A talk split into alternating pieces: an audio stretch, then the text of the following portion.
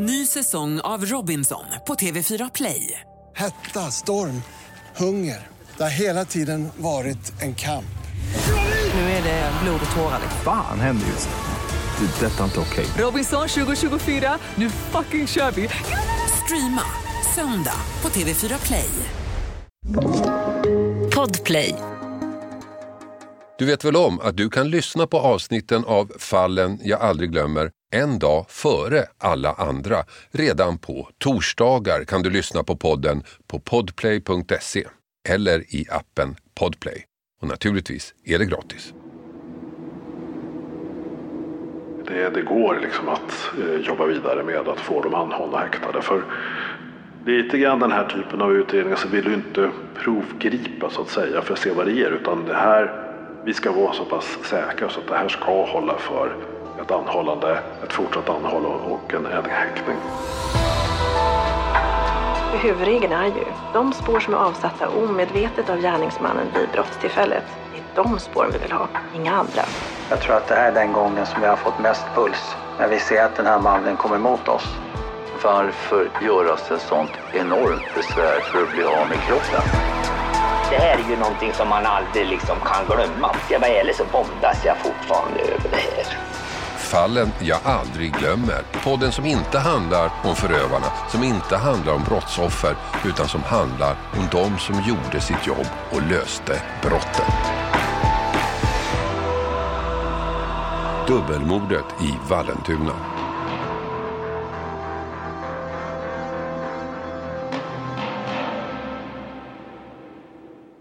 Finns det onda människor? Det är en fråga som jag ställt mig själv i 30 år så länge som jag har jobbat med Efterlyst. Visst finns det människor som gör onda saker.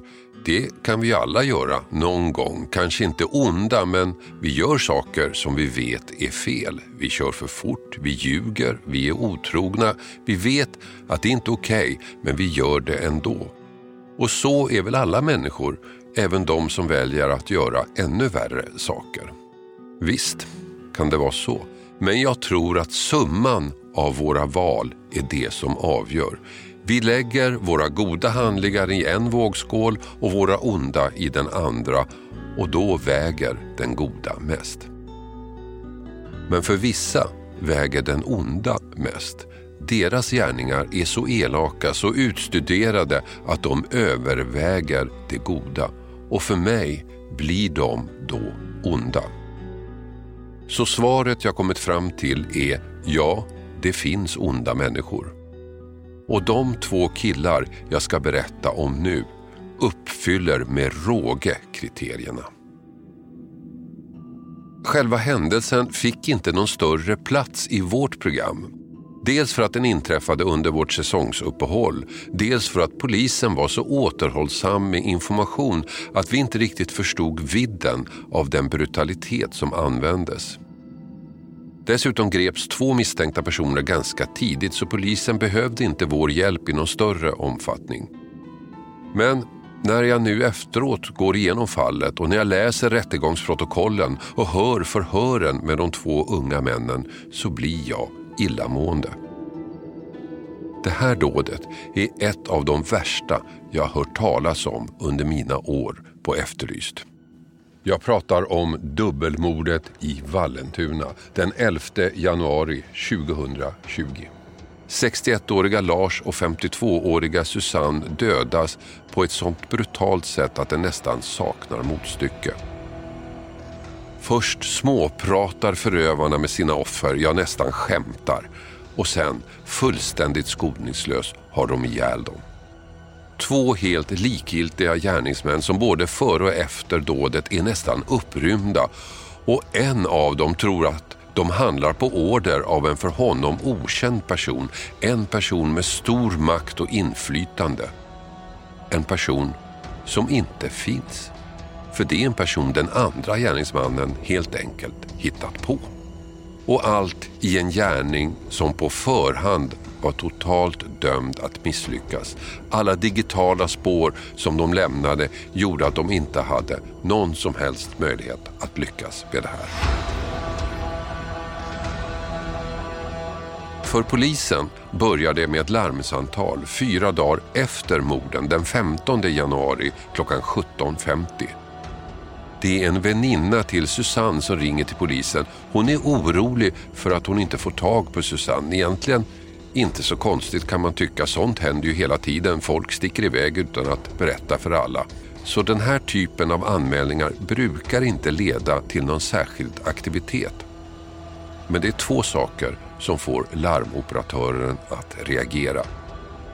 Det ena är det väninnan berättar om det sista smset som hon fick från Susanne för fyra dagar sedan där hon ställer in deras planerade tennismatch. Ett ovanligt kortfattat och märkligt formulerat för att komma från Susanne. Men det är det andra som verkligen antyder att något ovanligt kan ha hänt. Väninnan berättar att paret precis sålt mark och fick 12-13 miljoner för den. En polispatrull skickas till Lars och Susannes bostad. Tre poliser, två färdigutbildade och en aspirant. Vid halv nio-tiden på kvällen kommer de fram till huset som ligger lite ensligt i skogen. De knackar på, försöker ringa, ropar, pratar med grannarna. Inget ger något resultat. Så när klockan är tio på kvällen beslutar de sig för att bryta sig in i bostaden. Den första de hittar är Lars. Han ligger på mage i en stor blodpöl på golvet med ett täcke över kroppen och en stol ställd över huvudet. I sovrummet ligger Susannes kropp. Hon har hela huvudet inlindat i plastfolie. Mer än 20 varv. 13 meter plast. Och som kropparna ligger så råder det ingen som helst tvekan. De har blivit mördade. Polispatrullen larmar sina kollegor. Och utredningen drar igång. Det kommer flera patruller, kriminaltekniker och hundförare. Avspärringar sätts upp, operation dörrknackning hos grannarna och kriminalteknikerna börjar finkamma huset. Den initiala brottsplatsundersökningen tar hela natten. Det som står klart ganska tidigt är att Lars har dödats med en mortel som slagits mot hans huvud medan Susanne kvävts ihjäl av plasten runt hennes huvud. Samtidigt i polishuset i Stockholm dras mordutredningen igång under ledning av Christer Axling.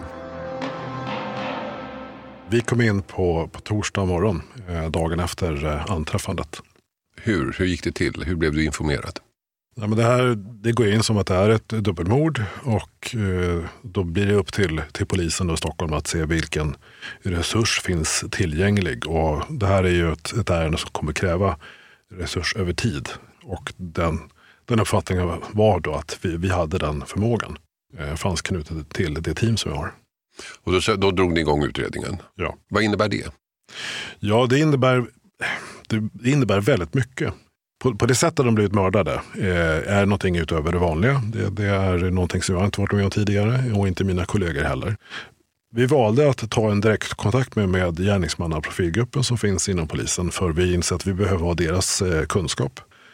Eh, vi behöver ha forensisk eh, bevisning. Vi, vi jobbade väldigt brett med insamlingen av både eh, ja, i det här fallet då, ekonomiska eh, överföringar som vi hittar i tidigt skede.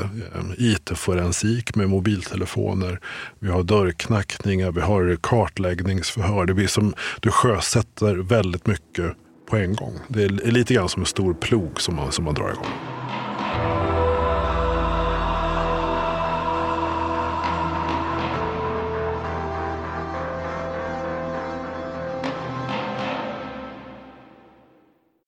Den här veckan har vi ett betalt samarbete med Hello Fresh. Världens ledande leverantör av matkassar hem till dig.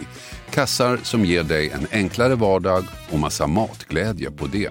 Nu kan du som lyssnar få extra bra pris. Med koden FRESHFALLEN kan du få upp till 1359 kronors rabatt.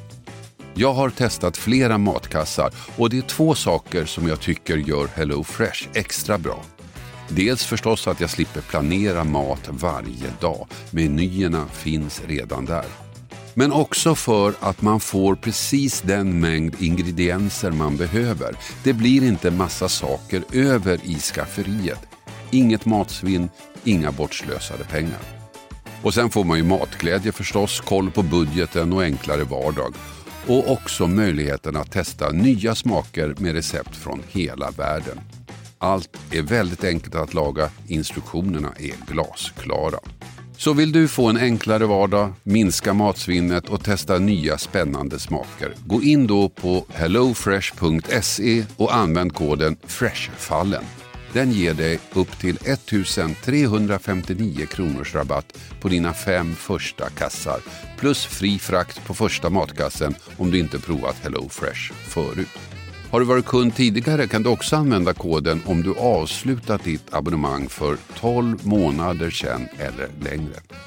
Tack HelloFresh!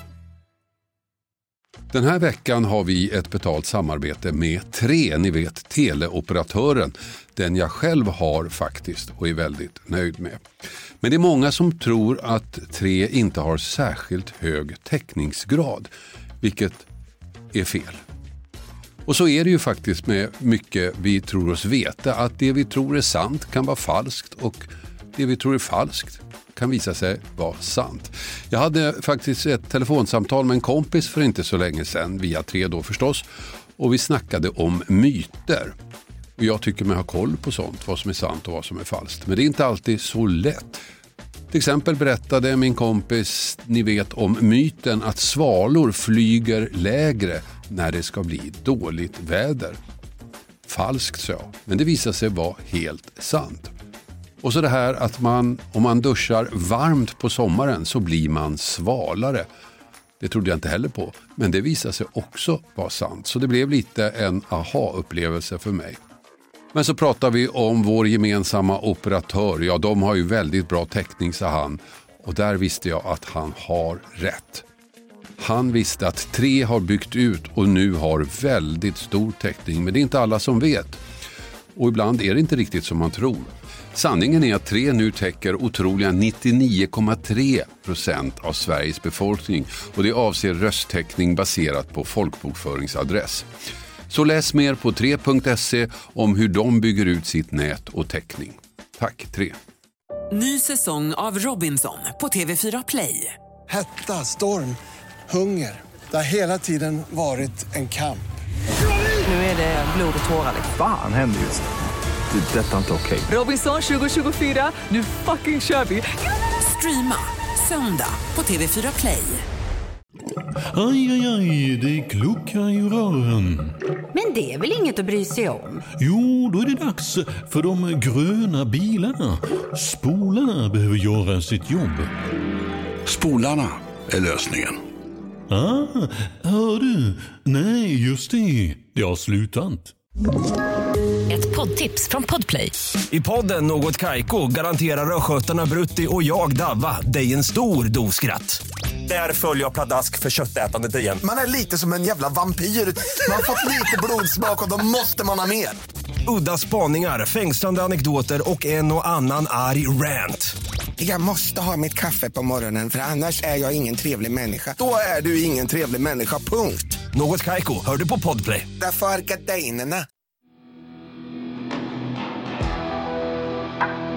Det kunde ha blivit en långdragen och komplicerad utredning där man följde spår på spår utan resultat. Men så blev det inte. Det går ganska snabbt. Efter tre dagar så hittar man ett spår som blev genombrottet. När utredarna går igenom parets bankkonton ser de att det gjorts en överföring från Lars bankdosa samma dag som morden inträffade. Utredarna kunde inte där se hur mycket pengar det handlade om eller till vilket konto pengarna hade förts. Det kunde bara banken svara på och de hade stängt eftersom det var helg. Vad utredarna däremot kunde se är var bankdosan befunnit sig när överföringen gjordes. Genom att analysera de digitala spåren i masten mot vilken dosan kopplats upp såg de att den inte hade använts i Lars och Susannes hus utan på en helt annan plats. En adress där det bara bodde en person. en 28-åring vid namn Kristoffer. Sen tog det ett par dagar, men då kunde banken ge polisen den sista informationen. Överföringen var på 60 000 kronor från Lars konto och 160 000 från Susannes. Pengarna hade gått till ett och samma konto. Ett konto som tillhörde 28-årige Kristoffer. Så här säger Christer Axling. Det vi såg då det var ju att någon har nyttjat alltså hur man, man loggar in på alltså överföring från bankmedel till någon. Mottagande delen såg vi inte riktigt. Det här gäller lite grann vad lite grann is i magen. För alltså, det, det är farligt att, att springa på för fort. För vi vet inte vem som är mottagare. Det kan vara någon som har blivit eh, Ja, man kanske har lurat till sig det här bankkontot. Det är kanske någon som är tvingad att göra överföringen. Det kanske är ja, någon form av ekonomisk transaktion i den höga skolan så att det studsar till ytterligare ett konto. Så att skulle vi springa på för fort och gå och liksom göra tillslag direkt på de här uppgifterna så skulle vi kunna äventyra utredningen. Men vad jag förstår, det ni ser då det är att det har skett en överföring från hans bankdosa. Ja. Men ni vet inte hur mycket pengar, ni vet inte vart de har gått i det här läget. Men ni ser var själva överföringen har utförts någonstans rent fysiskt, var man har stått när man har gjort det här. Det får vi, nu, nu får jag lite grann rannsaka minnet, men, men själva positioneringen, den klarnar i början på, på nästkommande vecka. Mm. Och då ser man också både mottagare, eller alltså både avsändare och mottagare de positioneringsdelarna. Och så får ni också bekräftat från banken att det är till det här kontot pengarna har gått. Riktigt. Och vem är det då som har tagit emot pengarna? Eh, I det här fallet så är det Kristoffer som har tagit över de pengarna. Mm. Är det någon ni känner till sedan tidigare? Nej, det var, han var ny eh, för oss. Förekommer mycket sparsamt. Polisen har nu ett namn och ganska snart ett till. För genom att kartlägga Kristoffers telefontrafik kan utredarna se att han har väldigt mycket kontakt med en och samma person vid tiden för morden. 26-åriga Viktor. Två namn alltså. Två misstänkta. Det var ett, ett väldigt intensivt eh, samarbete, förhållande som, som de har. Eh, alltså förhållande i, i kompisförhållande som vi ser det. Och det, det är Viktor. Och de två har mycket kontakter och framförallt bara de två. Men det här, det är ingenting som utredarna går ut med. Den 30 januari har vi på Efterlyst säsongspremiär och naturligtvis rapporterar vi om dubbelmordet och Christer Axling är med i reportaget. Det har nu gått två veckor sedan dubbelmordet och ingen person är gripen eller misstänkt för dådet. Nu väljer polisen att gå ut med nya uppgifter. I anslutning till brottet så har man sett en Jeep Cherokee av äldre modell som är mörk till färgen som har varit kring brottsplatsen. Vi är väldigt angelägna om iakttagelse av den här Jeep Cherokee. I vår utredning så det, det gäller att vara, vara förutsättningslös vad det här kan gälla. Men en av de sakerna som vi tittar på är ju givetvis e- ekonomi. Det är tidigare eventuella konflikter, eh, om det nu finns några sådana. Alltså en kartläggning av de här två personerna, deras eh, framförallt sista tid i livet. Det Axling vill ha hjälp med är alla iakttagelser, alla som sett något. Det han däremot inte berättar är att de redan har två misstänkta personer. Han säger heller ingenting om hur långt utredningen faktiskt kommit när det gäller de här två. Och det här gäller ju alla polisens, eh, framförallt eh, utredningar av grova brott. Vi, vi är helt beroende av, av information utifrån. Från sådana som kan ha sett iakttagelser, eh, kartor, sådana som vi kanske inte har hört. Så, så det, och Efterlyst, den, den slår ju brett. Och ibland så blir det effekt och ibland inte. Men det var värt det tycker vi. Vad jag förstår, så att då när du är där i Efterlyst och berättar om det här så, så vet du mycket mer än vad du berättar och ni har redan liksom spaningar på de här två. Ja, det är riktigt. Och det gäller ju faktiskt flera inslag eh, där, där man menar att vi vet ju oftast betydligt mer. Men, men det finns ju, sen vet, eller eh, tror rättare sagt, för, för det är ju ofta, det är arbetshypoteser som vi jobbar efter. Vet, det vet vi ju först långt senare i utredningen. Så därför så tycker jag det är inte för att man liksom vill hemlighålla, men någonstans så måste vi vara försiktiga med informationen. För Det är också av, av taktiska skäl inför kommande förhör, för berättar vi jättemycket initialt då har ju då gärningsmannen koll på hur det kanske ser ut på en, en brottsplats eh, eller liknande. Så man är lite, för, lite hemlighetsfull får man allt vara. I själva verket har utredarna bra koll på de två misstänkta. Deras telefoner avlyssnas, mer och mer fakta kommer fram. Fakta som tydligt avslöjar att de här två med all sannolikhet är de två som utfört dådet. Vi eh, ser att de har kontakter med, med, med varandra.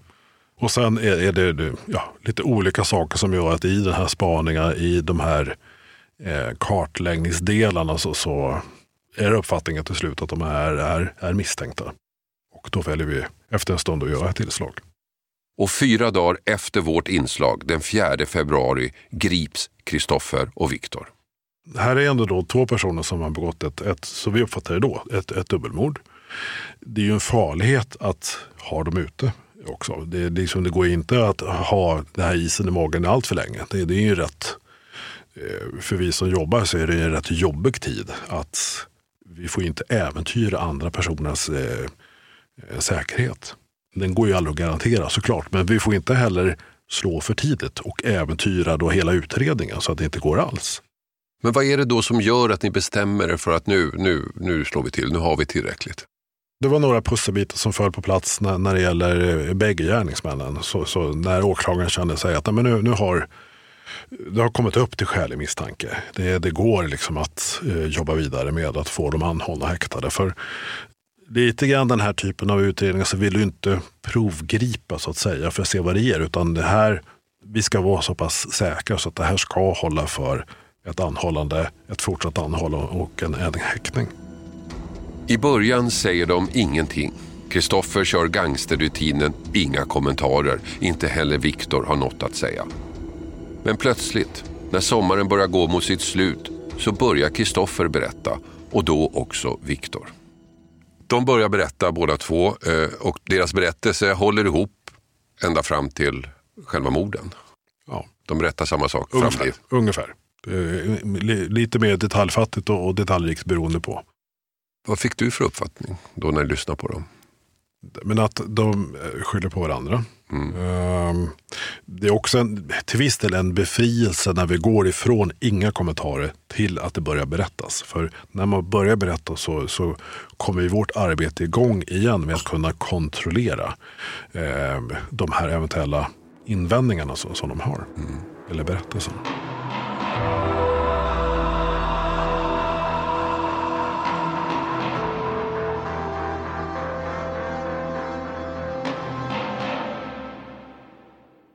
Ny säsong av Robinson på TV4 Play.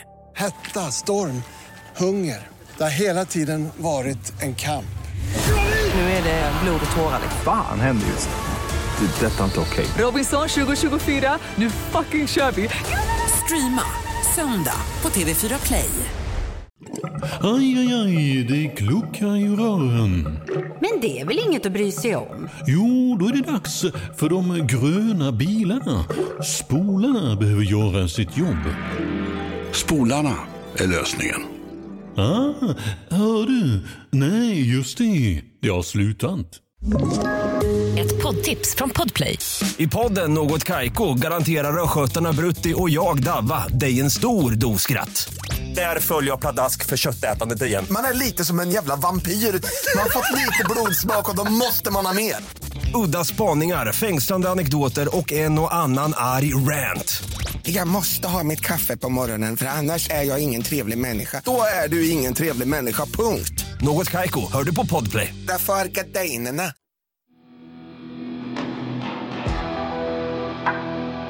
Genom förhören och genom att se mässen mellan de två personerna som är runt 1500 stycken växer bilden fram av vad som hände. Och det är en otroligt märklig bild. För i centrum står två figurer som inte finns. Theo Arkas och polisen Göransson. Två viktiga personer i Kristoffers mäktiga nätverk. Theo Arkas är den som beordrar rånet. Göransson ska sen skydda dem från polisen. Christer Axling igen. Lite grann ur, ur, ur Alfons Åberg och hans låtsasperson Molgan. Vi brukar kalla det för Molgan-spåret. Mm. Det kanske är lite väl skämtsamt när du pratar om mordmän. Men det blir ändå den här okända gärningsmannen som man skulle, den här låtsasfiguren. Det lägger vi mycket tid på. Men allt det här är bara hittepå. Det är Kristoffer som ljugit ihop det och Viktor tycks tro på det. Han verkar vara övertygad om att Kristoffers nätverk finns och att Arkas och Göransson är verkliga. Så här lät det under rättegången. Eh, och sen har vi varit inne på det här med Arkas Tio, Tia och T. Ja. Berätta. Är det här en och samma person? Ja, det är det. Eh, och finns den här personen på riktigt? Nej, utan det är jag som har kontrollerat den mejlen och det vi utgår ifrån. Kan du berätta om det? Det var som jag var inne på tidigare från början så var det att man skulle ha det skulle se ut som att fler inblandade, man kunde ha någonstans att peka åt och sen har det bara egentligen blivit att det har en eh, lögn som har bara vuxit på. Har Viktor känt till att Theo Arkas eller T eller Tia är en påhittad person? Det tror jag inte. Det har han inte förstått? Nej. Mm. Jag tänkte ta några fler personer så att säga som, som ändå har använts från din sida så att säga. Eh, berätta lite, vem, vem vad gör en sån så att säga? Eh, alltså I grunden så är det en eh, person som man har kunnat köpa vissa information av och sen har det kraftigt förstärkts. Och det är samma med många, det menar, vi har pratat om sådana som heter S och lite sådär också. Mm. Och det är ju bara, jag menar, det finns ju, även om det är pinsamt att prata om att man skäms för det så är det ju så att det är kraftigt överdrivet och förstärkt allt. För Göransson ska väl vara, eh, om jag har förstått det rätt, någon ganska hög polischef enligt din fik fiktiva Göransson ja, så att säga. Mm. Och att, att Göransson är någon som, kan, som är bra att ha kontakt med för han kan lösa det mesta. Ja, inte lösa det mesta utan vissa grejer. Mm. Har, har, har Viktor förstått att Göransson är ingen verklig hög polischef? Har du talat om det för honom? Nej, det har jag inte gjort. Det var som jag sa igår. Utan det, har ju, det har ju spelats på det där. Tidigt på morgonen den 11 januari får Viktor ett sms. Då kör vi grabbar, gör det ni föddes att göra, uppdatera mig löpande. Undertecknat TA, Theo Arkas. Och Viktor svarar, vi ska göra dig stolt. Men det är ju Kristoffer som skickat messet. Vid sextiden möts de två på McDonalds och äter frukost. Allt finns på övervakningskamerorna. Sen åker de hem till Lars och Susanne. Klockan halv tio fångas de två på övervakningskameror igen. Den här gången på ICA och nu är allt över. Nu ligger Lars och Susanne döda i sitt hem efter ett långdraget, hänsynslöst och tortyrliknande övergrepp. Lars ihjälslagen med en mortel, Susanne kvävd med plastfolie. I dagarna efteråt skryter de nästan för varandra på sms vad de gjorde. Snåla gubbjävel, han är ju riksefterbliven, det sa jag till honom när han gurglade. Men mässen visar också att de två är besvikna för bytet blev inte alls så stort som de hade hoppats. När de två förhörs står det klart att Viktor fortfarande tror på Theo Arkas Göransson och Kristoffers påhittade nätverk. Det är när han förstår att allt är en lögn som han börjar berätta. Det är på slutet av förhören som man inser att det här kanske inte riktigt är, är sanning. Det är ni som berättar för honom att de här är påhittade? Ja, det ingår ju i polisarbetet att eh, eventuella bevis, eh, eventuella, liksom, det, det, vi får fram, det, det, är ju insynsrätten som ger att eh, vi behöver, måste ju ställa frågor. Mm. Vad, vad, vad, tror han om det här? Eh, och, och, efter en stund så, så, så insåg han att nej, men det här är nog påhittat. Hur reagerar han då när han förstår att han har blivit lurad? Ja, men det är ju en känslomässig berg och dalbana under många förhör. Ehm, så det har gått upp och ner, helt klart. Men även om utredarna får en ganska klar bild av vad som har hänt, även om de nästan minut för minut kunnat kartlägga händelseförloppet, är det en sak de inte lyckas klargöra. En oerhört viktig sak, nämligen vem utförde morden? Är det bara en av dem eller är det båda två? tillsammans eller var för sig.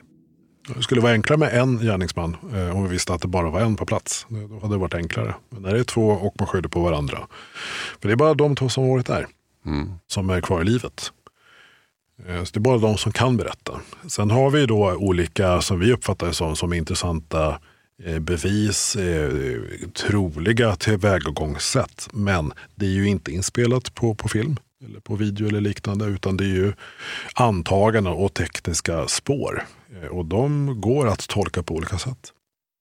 Så när rättegången mot de två börjar är utgången oviss och det blir också en lång och omfattande förklaring i domen som går ut på att ingen av de två kan bindas till att ha mördat Lars, men att båda gemensamt skulle ha mördat Susanne. Så de frias från ena mordet men döms båda till livstid för det andra. En dom många tycker var märklig. För om inte någon av de två mördat Lars, vem skulle då ha gjort det? Ja, och någonstans i utredningen så har vi ju, tycker jag ändå, fått fram att det är liksom, huvudpersonen är ju en, en ekonomisk eh, transaktion och det troliga är ju då att, att det är Lars som har blivit mördad mm. av just de två. Men nu blir de dömda för mordet på Susanne. Mm. Men blev du besviken när domen kom? Ja, det tycker jag. Eh, det, det, måste jag nog säga. För vi, någonstans så har vi, jag tycker att det här är en, en av de utredningar som vi har, ja, som vi är mest, får man säga, stolta över. För jag tycker att vi har vänt och vridit på oerhört mycket. Ehm, bara som en notering så är ju den tekniska undersökningen i villan så har ju teckningen varit där i två veckor. Eh, jag har nog aldrig varit med om så, så omfattande teknisk undersökning.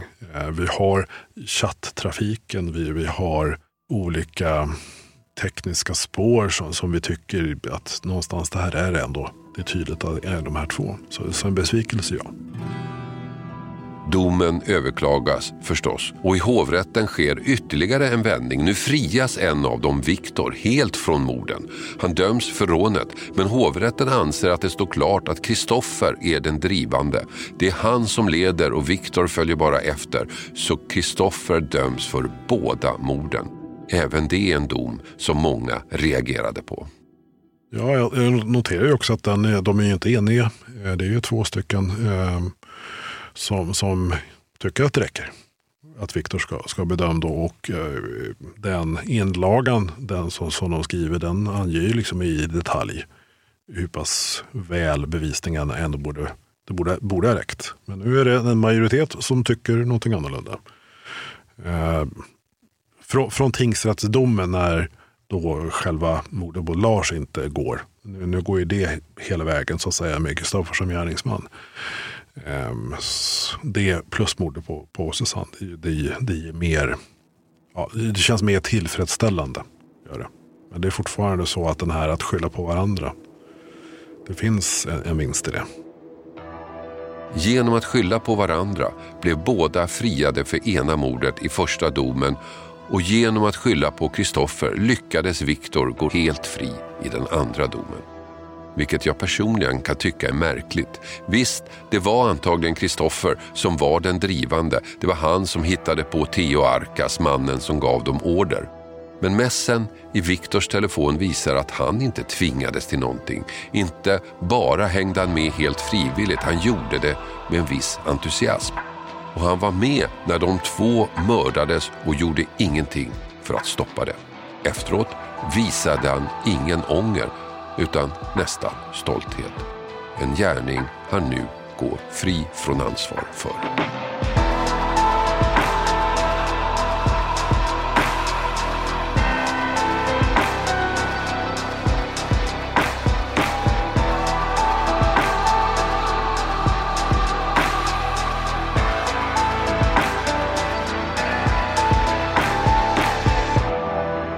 Du har hört podden Fallen jag aldrig glömmer. Klippning David Davva Persson. Och jag heter Hasse Aro. Du vet väl om att du kan lyssna på avsnitten av Fallen jag aldrig glömmer en dag före alla andra. Redan på torsdagar kan du lyssna på podden på podplay.se eller i appen Podplay. Och naturligtvis är det gratis. Podplay Ny säsong av Robinson på TV4 Play. Hetta, storm, hunger. Det har hela tiden varit en kamp. Nu är det blod och tårar. Fan händer just nu. Det. är Detta är inte okej. Robinson 2024, nu fucking kör vi! Streama söndag på TV4 Play.